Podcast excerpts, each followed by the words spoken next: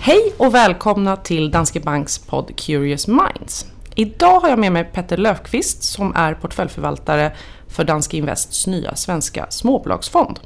Och vi tänkte prata lite om trenderna kring eh, småbolagsmarknaden i Sverige och varför det är så stort intresse av att investera i just svenska småbolag. Hej och välkommen Petter! Tackar, tackar! Du är ju som sagt portföljförvaltare för Danske eh, Invests nya svenska småbolagsfond men har under många år arbetat med just eh, svenska småbolag. Hur har marknaden för svenska småbolag förändrats under de här åren? Alltså jag har ju hållit på med det här i, under väldigt lång tid. Eh, jag har förvaltat småbolagsfonden de senaste tio åren och jobbat med, med, med småbolag i 20 år.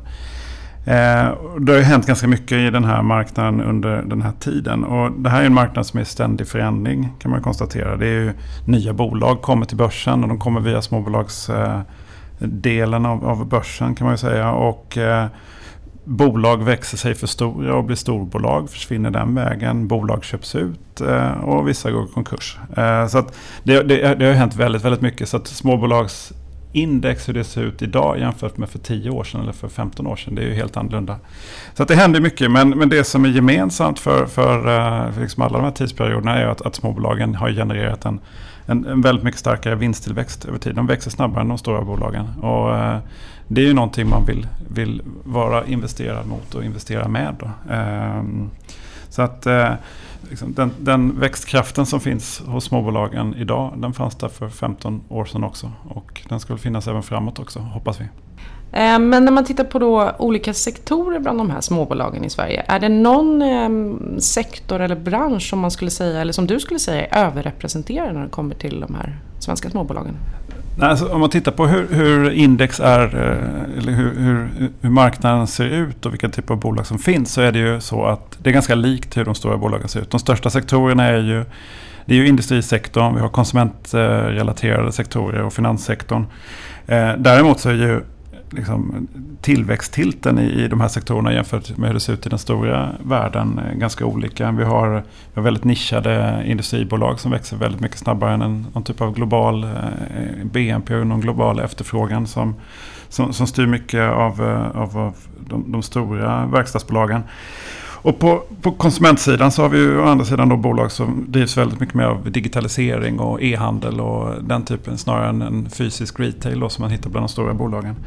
Eh, men sen, sen det som är väldigt mycket mer skilt är ju att, att vi hittar eh, liksom riktiga tillväxtsektorer. Vi har medtech-sektorer som växer väldigt starkt med, med bra lönsamhet. Vi hittar teknologi, ny innovation, eh, underhållning, dataspel. Alltså saker som växer helt okonjunkturellt i mångt och mycket, vilket är spännande.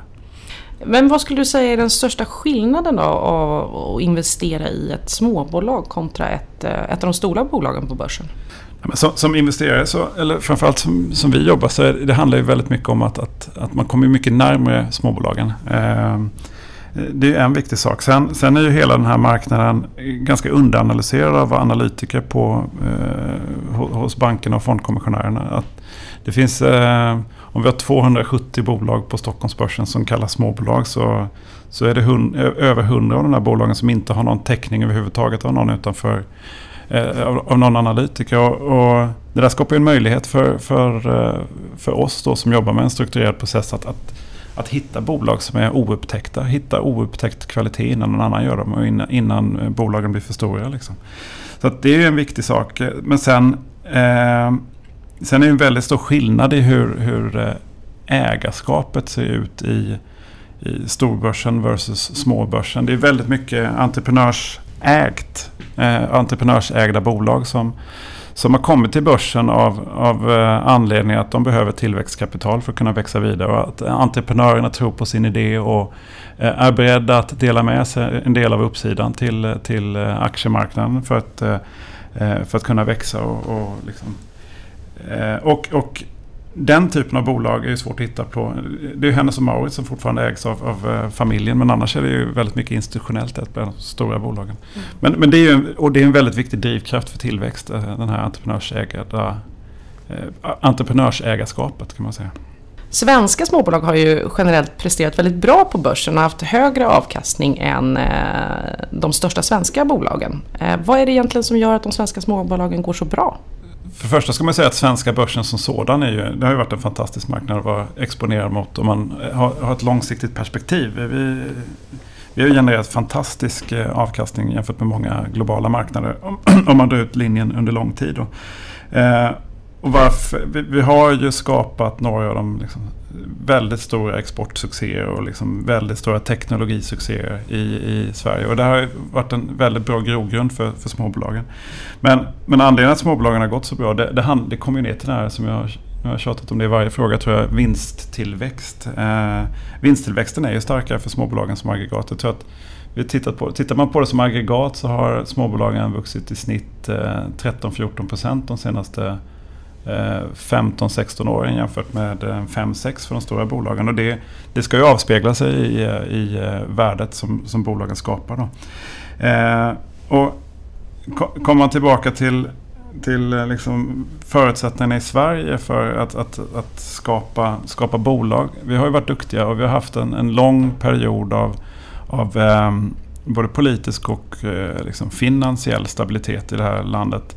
Sen har vi liksom en, en hemmamarknad som är för liten för att liksom man ska kunna bli riktigt stor. Så många bolag som etablerar sig måste tänka globalt eller i alla fall eh, europeiskt eller större än bara Sverige direkt när de skapas. Vilket, vilket, vilket skapat en, en, en, drivkraft i sig. Då. Och sen, eh, men framförallt har vi haft en kapitalmarknad som har varit beredd att, den har funkat som en kapitalmarknad ska, att, att man faktiskt finansierar Eh, Eh, tillväxt. Vi har varit beredda att, marknaden har varit beredd att, att sätta in pengar i bolag som, som, som har en tillväxtresa att göra. Så det, det, är en viktig sak. Eh, och sen om man ska fundera på varför just småbolag växer snabbare. Men det, då kommer man ju ner till det här, dels det här entreprenörägarskapet som jag pratade om innan. Men sen också att, att det, det, är lättare att, att, ställa om och anpassa ett, ett litet bolag jämfört med ett, ett stort som har liksom verksamheter globalt och på många olika ställen.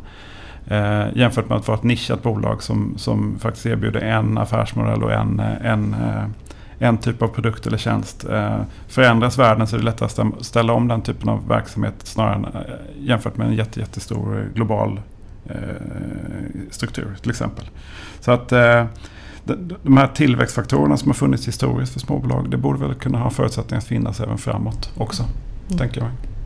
Det är intressant att du nämner det här med politisk eh, stabilitet. Eh, vi står ju inför en rätt komplicerad situation vad gäller regeringsbildningen i Sverige. Eh, finns det någon regering som du tror skulle gynna svenska småbolagen mer än någon annan?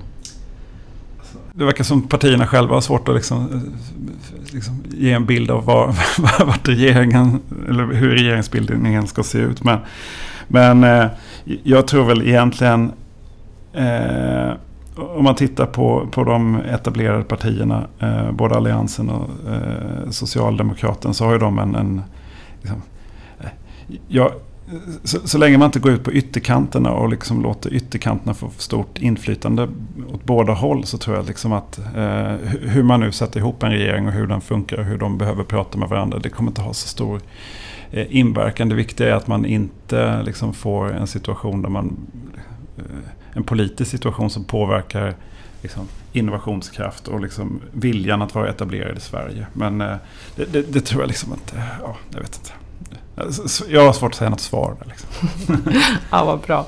Ja, men då, då får jag tacka dig så mycket Petter för att du har varit med idag och berättat lite mer om den svenska småbolagsmarknaden. Tack, Tack. snälla. Tackar, tackar.